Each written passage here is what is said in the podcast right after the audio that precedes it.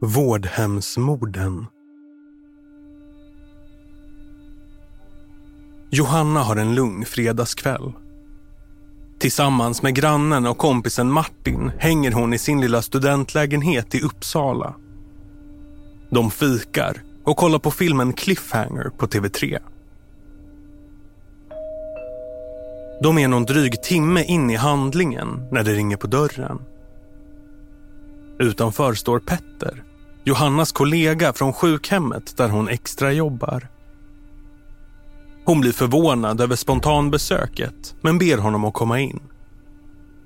Snart sitter Petter i en fåtölj, dricker kamomillte och ser filmens upplösning tillsammans med henne och Martin. När filmen är slut vill Martin gå ner till sin lägenhet och lägga sig.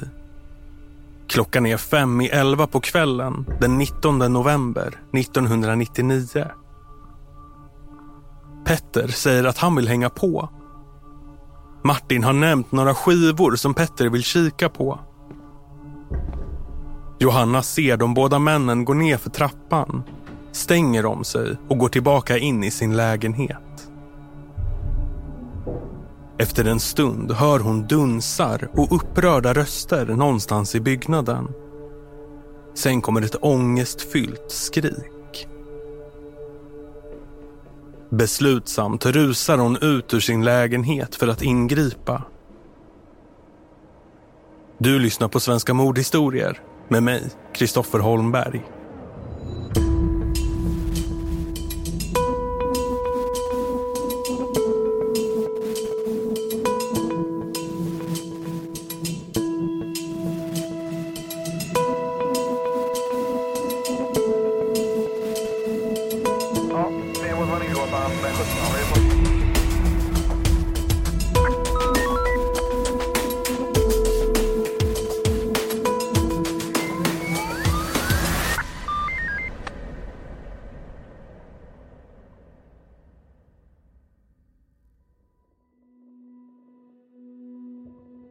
Petter föds i Uppsala i mitten av 1970-talet.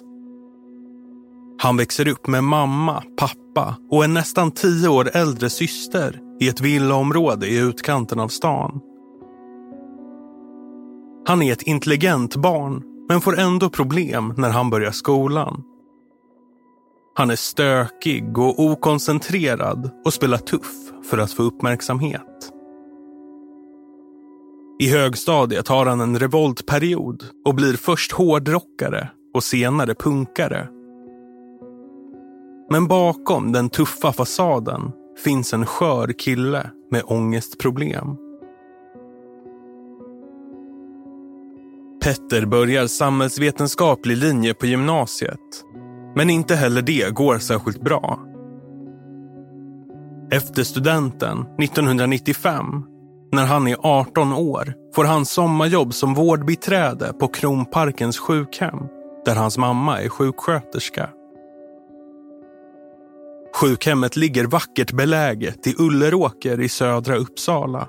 Ett stenkast från det nedlagda mentalsjukhus som en gång gjorde namnet Ulleråker känt i hela landet. På Kronparken vårdas svårt sjuka människor. Och det är inte ovanligt att patienter avlider. Petter blir snart omtyckt av både kollegorna och patienterna. Han har släppt den tuffa attityden, är trevlig och tvekar inte att kavla upp ärmarna och hugga i när det ska jobbas. När sommaren är över har han inte svårt att få göra inhopp på helger och lov. Men den teoretiskt lagda Petter vill studera vidare. Trots att han gått samhällsvetenskaplig linje är det naturvetenskap han brinner för. Och allra helst vill han bli läkare.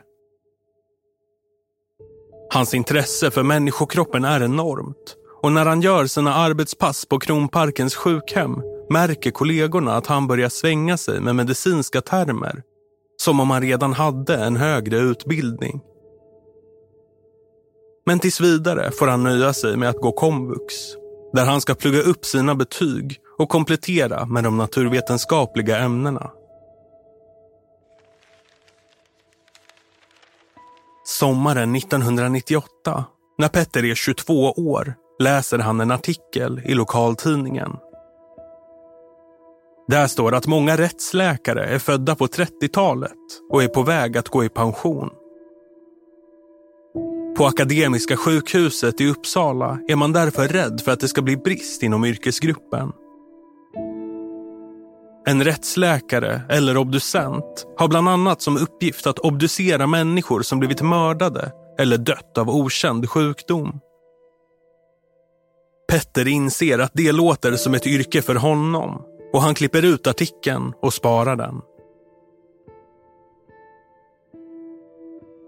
De kompisar som följt Petter genom livet blir glada över att han äntligen verkar ha ett tydligt mål med sitt liv. De kallar honom skämtsamt för doktorn och de märker hur stolta Petters föräldrar är över sonens nya planer. Men Petters gamla gymnasieflickvän, som numera är hans kompis, tycker att han är personlighetsförändrad och nästan obehaglig. Han har skaffat sig en dryg akademisk attityd och är svår att kommunicera med.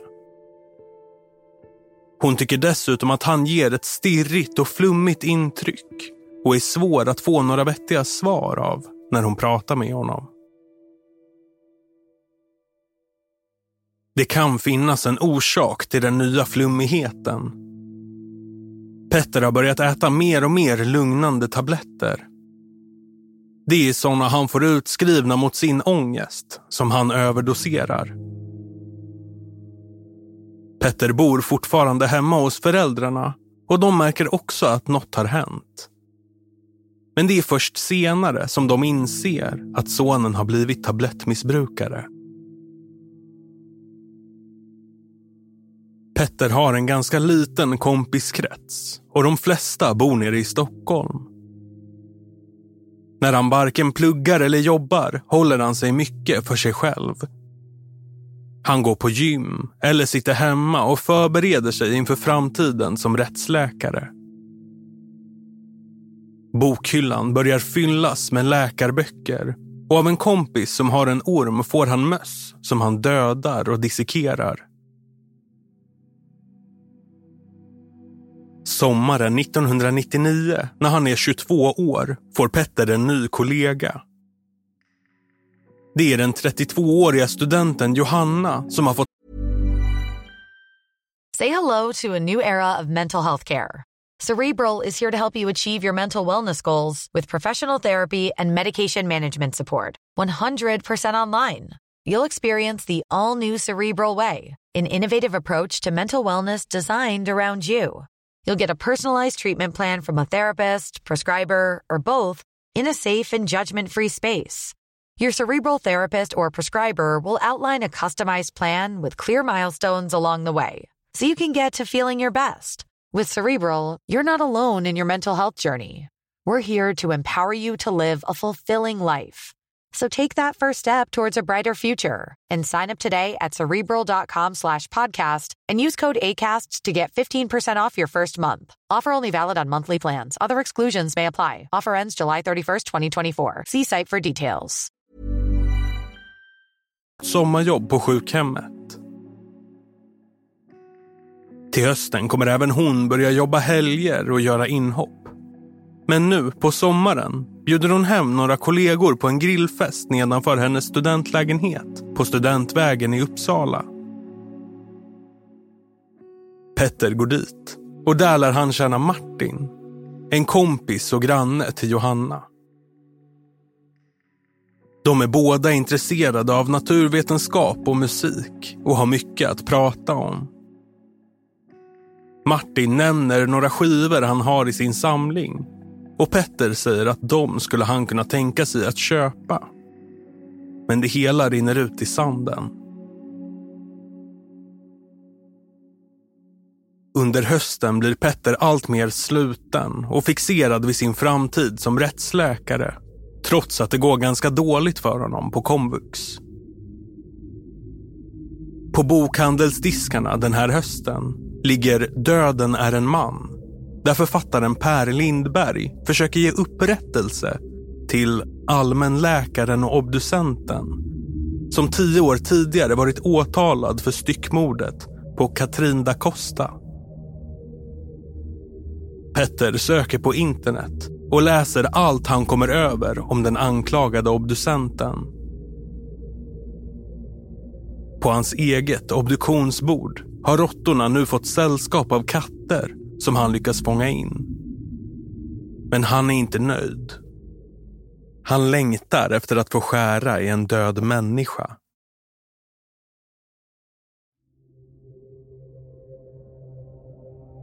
I mitten av november är Petter helt beroende av tabletter för att fungera. Och omgivningen uppfattar honom som väldigt speedad. Det är en effekt av tablettmissbruket, trots att det egentligen är lugnande medicin han äter. När han behöver mer läkemedel kontaktar han en känd rättsläkare som ofta kommenterar brottsfall i media. Mannen har även en privatklinik i Uppsala och den 17 november 1999 är Petter inbokad hos honom. Det blir ett kort besök där läkaren skriver ut Temesta, en lugnande men beroendeframkallande bensodiazepin. Dagen efter kommer en övertaggad Petter till Kronparken redan klockan sju på morgonen trots att han inte ska börja jobba förrän vid tolv. Men eftersom det är mycket att göra får han stämpla in direkt. På avdelningen bor 96-åriga Kerstin som har långt framliden cancer. Redan på morgonen berättar Petter för sin chef att Kerstin verkar vara i väldigt dåligt skick den här dagen. När han kommer tillbaka strax före lunch meddelar han sin chef att hon har somnat in. Petter anmäler sig frivillig att ta hand om den avlidna. Det innebär att tvätta henne, ta på rena kläder och kamma håret innan de anhöriga kommer för att ta farväl. Chefen säger att det kan vänta de anhöriga kommer inte än på ett par timmar och det är dags för lunch.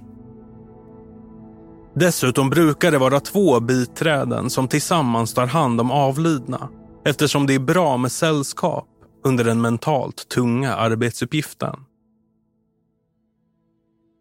Men Petter insisterar och börjar på egen hand göra i ordning den avlidna. En kollega som skickas till hans hjälp reagerar på att Petter tänt upp hela rummet och att han är överdrivet noggrann. Det är som om han låtsas utföra en medicinskt mer avancerad arbetsuppgift än han gör. Men resultatet blir fint. Och när Kerstins anhöriga dyker upp ordnar man en liten andakt där även Petter deltar.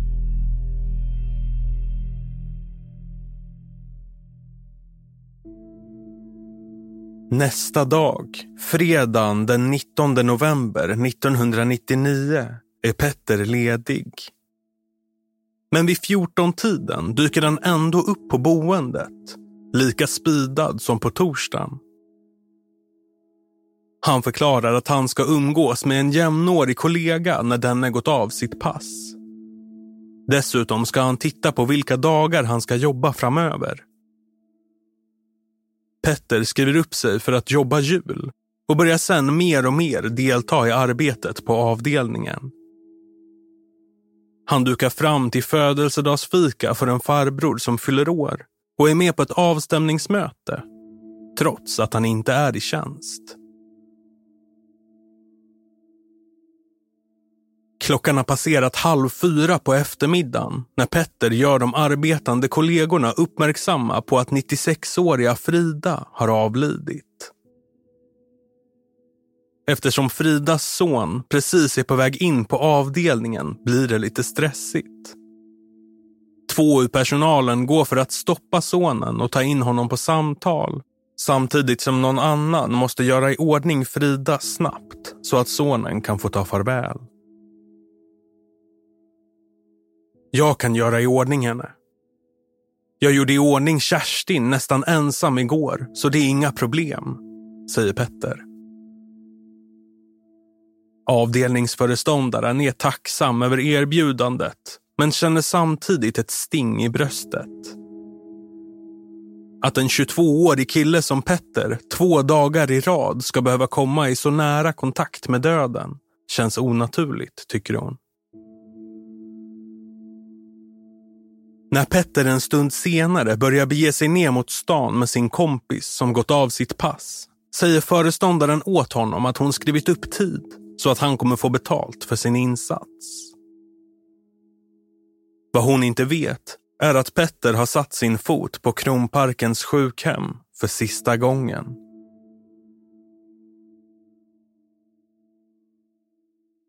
Petter är på stan en stund innan han beger sig hem för att äta middag med sin pappa. På kvällen berättar han för pappan att han ska hem till sin exflickvän och hjälpa henne att sätta upp ett badrumsskåp.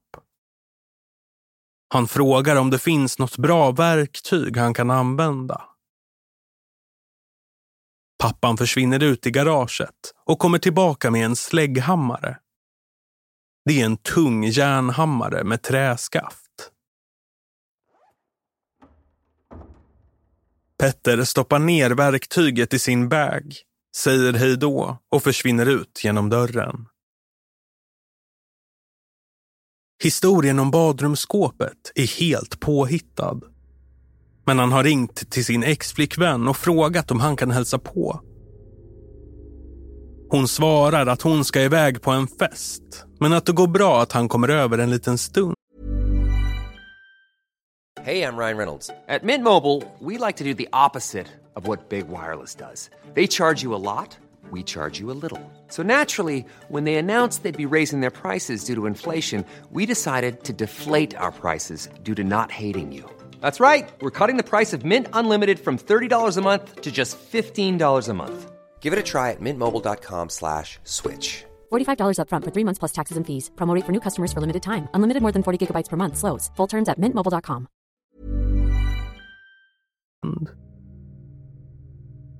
Den sista tiden har hon tyckt att han blivit allt mer obehaglig och för säkerhets skull gömmer hon några vassa knivar i väntan på besöket.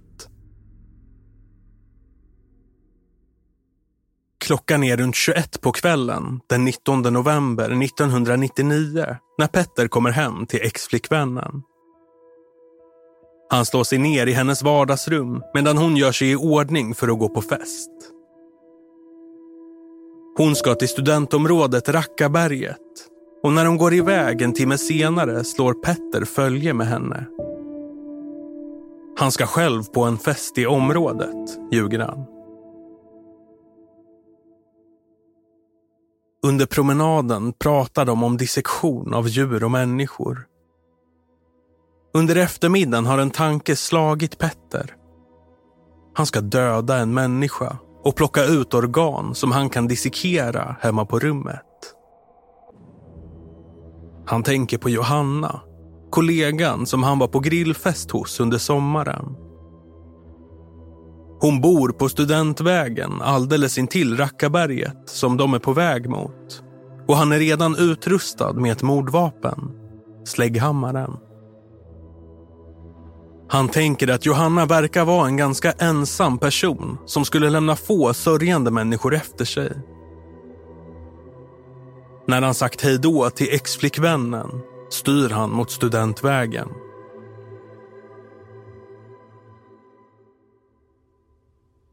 Johanna har en lugn fredagskväll. Under eftermiddagen har hennes kompis Martin, som bor rakt under, ringt på. Det händer ofta att de hänger och efter att Johanna fixat fika har de slagit sig ner i tv-soffan.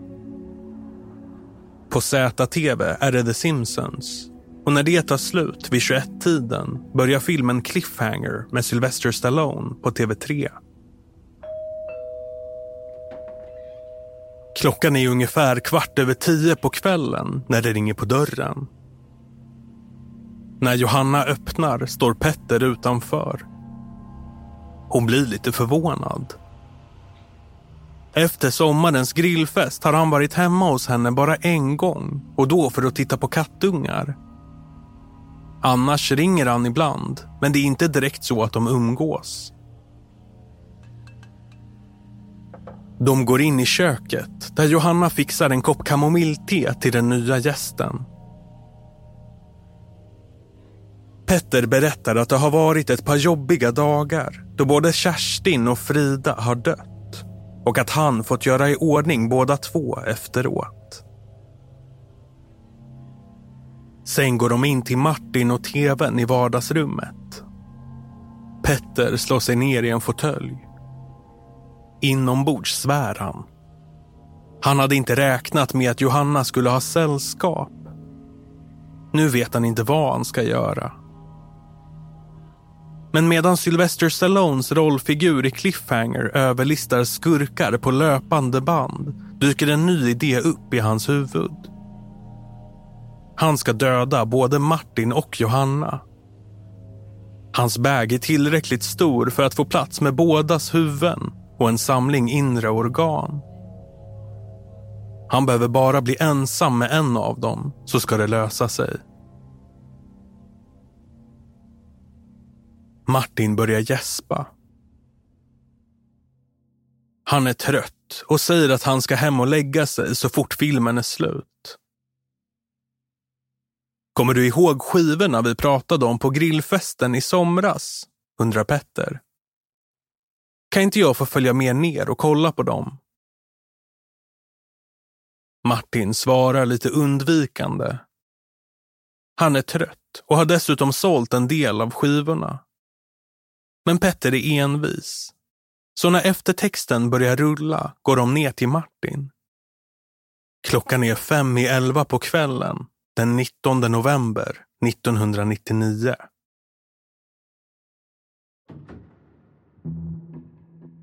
Johanna stänger dörren efter gästerna och går in i lägenheten. Hon tänker att det är roligt att Martin och Petter hittat ett gemensamt intresse.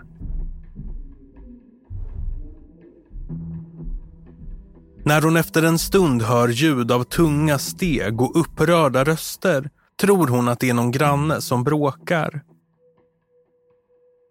Så hör hon hur någon skriker av skär ångest. I bara strumplästen rusar hon ut i trappuppgången.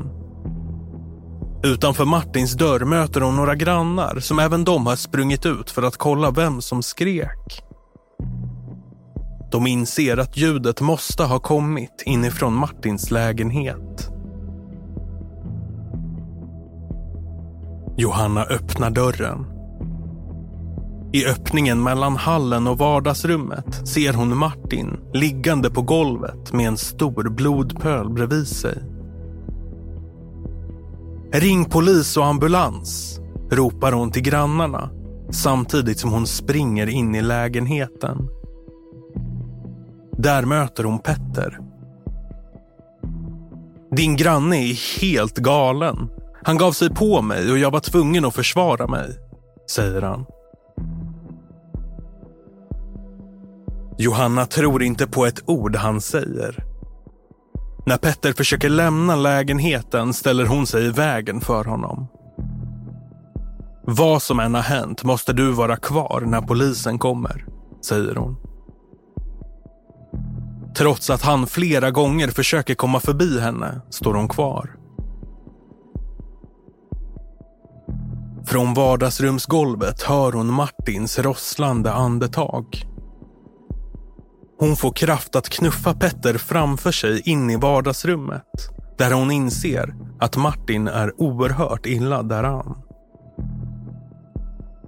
När Petter inte längre verkar vara på gång att fly hämtar hon en kudde i soffan och lägger under huvudet på Martin.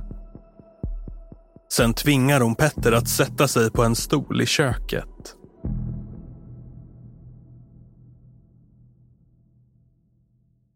När polisen kommer är Martin medvetslös.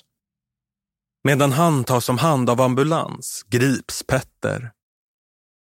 Redan under den korta bilresan in till polishuset börjar han erkänna sitt brott. Vid ett förhör tre timmar senare berättar han om planen att mörda Johanna och om hur han senare bestämt sig för att istället överfalla Martin. När Martin ställt sig på knä framför sina skivställ hade han slagit till honom med slägghammaren. Han hade siktat på nacken för att bedöva Martin. Men eftersom Martin plötsligt vände sig om träffade han huvudet istället. Sen hade han slagit Martin ytterligare gånger med det tunga verktyget. Vad är det jag hittat på? säger han förtvivlat när han har berättat färdigt.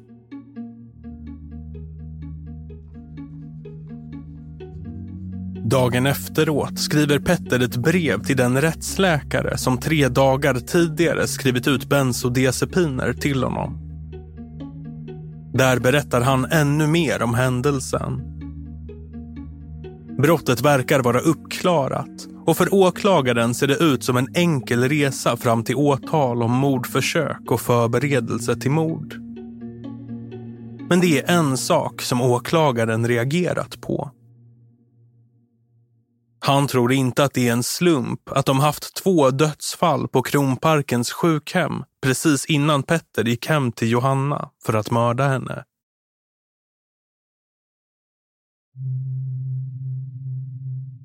Den 30 november 1999, elva dagar efter mordförsöket, förhör polisen den kollega som Petter var på stan med eftermiddagen före mordförsöket. Kollegan berättar då att Petter erkänt morden på både Kerstin och Frida för honom den eftermiddagen. Han hade bland annat berättat om hur han stoppat in fingrarna i Kerstins näsborrar och hållit en tvättlapp för hennes mun. Det var en mordmetod som inte skulle väcka några misstankar vid en eventuell obduktion, hade han förklarat. Veckan som följer obduceras Kerstin och Frida. Läkarna hittar inget bevis för att de mördats. Men i Kerstins blod finns spår av Temesta. Samma lugnande medicin som Petter fått utskriven dagen före hennes död. Men snart dyker ett bättre bevis upp. Petter har skickats till ett sjukhus i Umeå för att genomgå en rättspsykiatrisk utredning och polisen har fått tillstånd att avlyssna hans patienttelefon. Den 5 december ringer Petter till samma vän och kollega som han tidigare erkänt de båda åldringsmorden för. Och nu berättar han om morden en gång till, samtidigt som polisen spelar in allt på band.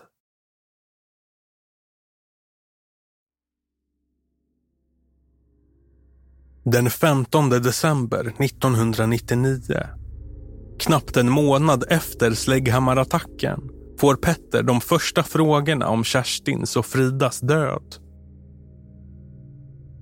Han berättar inget om sin egen inblandning i dödsfallen och åklagaren avvaktar med att berätta om sitt trumfkort. Men en vecka senare, när han återvänt från undersökningen i Umeå, anhålls han för morden. Och medan resten av världen firar julen och det stora millennieskiftet sitter han inlåst på häktet i Uppsala. Den 3 januari är det dags för nytt förhör. Nu sätter åklagaren på bandet med Petters telefonsamtal till kompisen den 5 december. Det där han erkänner morden. Du kan stänga av, du kan stänga av, du kan stänga av. Utropar Petter nästan direkt. Du vet vad du säger på bandet? Frågar åklagaren. Ja, svarar Petter.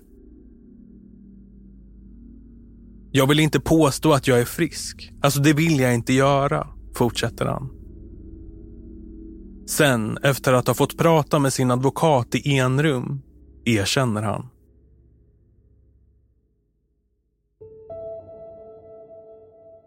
Den 18 januari år 2000 ställs Petter inför rätta i Uppsala tingsrätt.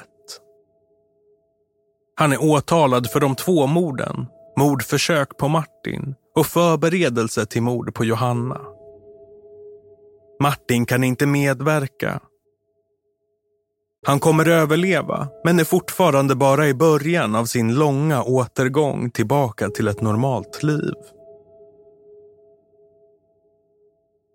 Den Petter som dyker upp i rätten är långt från den stirriga person han var under morddagarna i november. Lugnt berättar han om sina handlingar. Han förklarar att han dödat de båda 96-åringarna av barmhärtighet och att han varit besatt av döda kroppar när han planerade mordet på Johanna. Läkarna har kommit fram till att han lider av en allvarlig psykisk störning och den 2 februari döms han till rättspsykiatrisk vård. Tingsrätten skriver i domen att man inte tror att det handlat om något barmhärtighetsdödande utan att motivet var en lust att råda över liv och död.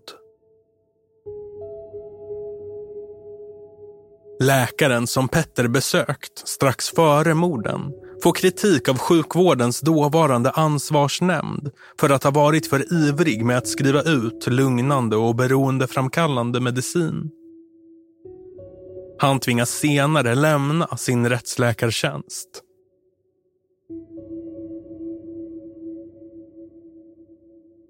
–23 år efter morden, när den här podden görs, finns ännu inte något som talar för att den nu 45-åriga Petter är på väg att släppas ut i samhället. 2018 dömdes han för ett nytt mordförsök efter att ha slängt hett tevatten över en vårdare på den rättspsykiatriska kliniken i Säter i Dalarna. Efter händelsen flyttades Petter till rättspsykiatriska regionkliniken i Växjö. Han har fortfarande fantasier om att skada och döda människor och han är överens med läkarna om att det finns stor risk att han begår nya brott om han får chansen. Du har lyssnat på Svenska mordhistorier med mig, Kristoffer Holmberg. Alla namn i det här avsnittet är fingerade. Manusförfattare är Per Johansson och producent jag, Kristoffer Holmberg. Originalmusik av Tor Wilén. Svenska mordhistorier görs av podcastbolaget Cast för Podme.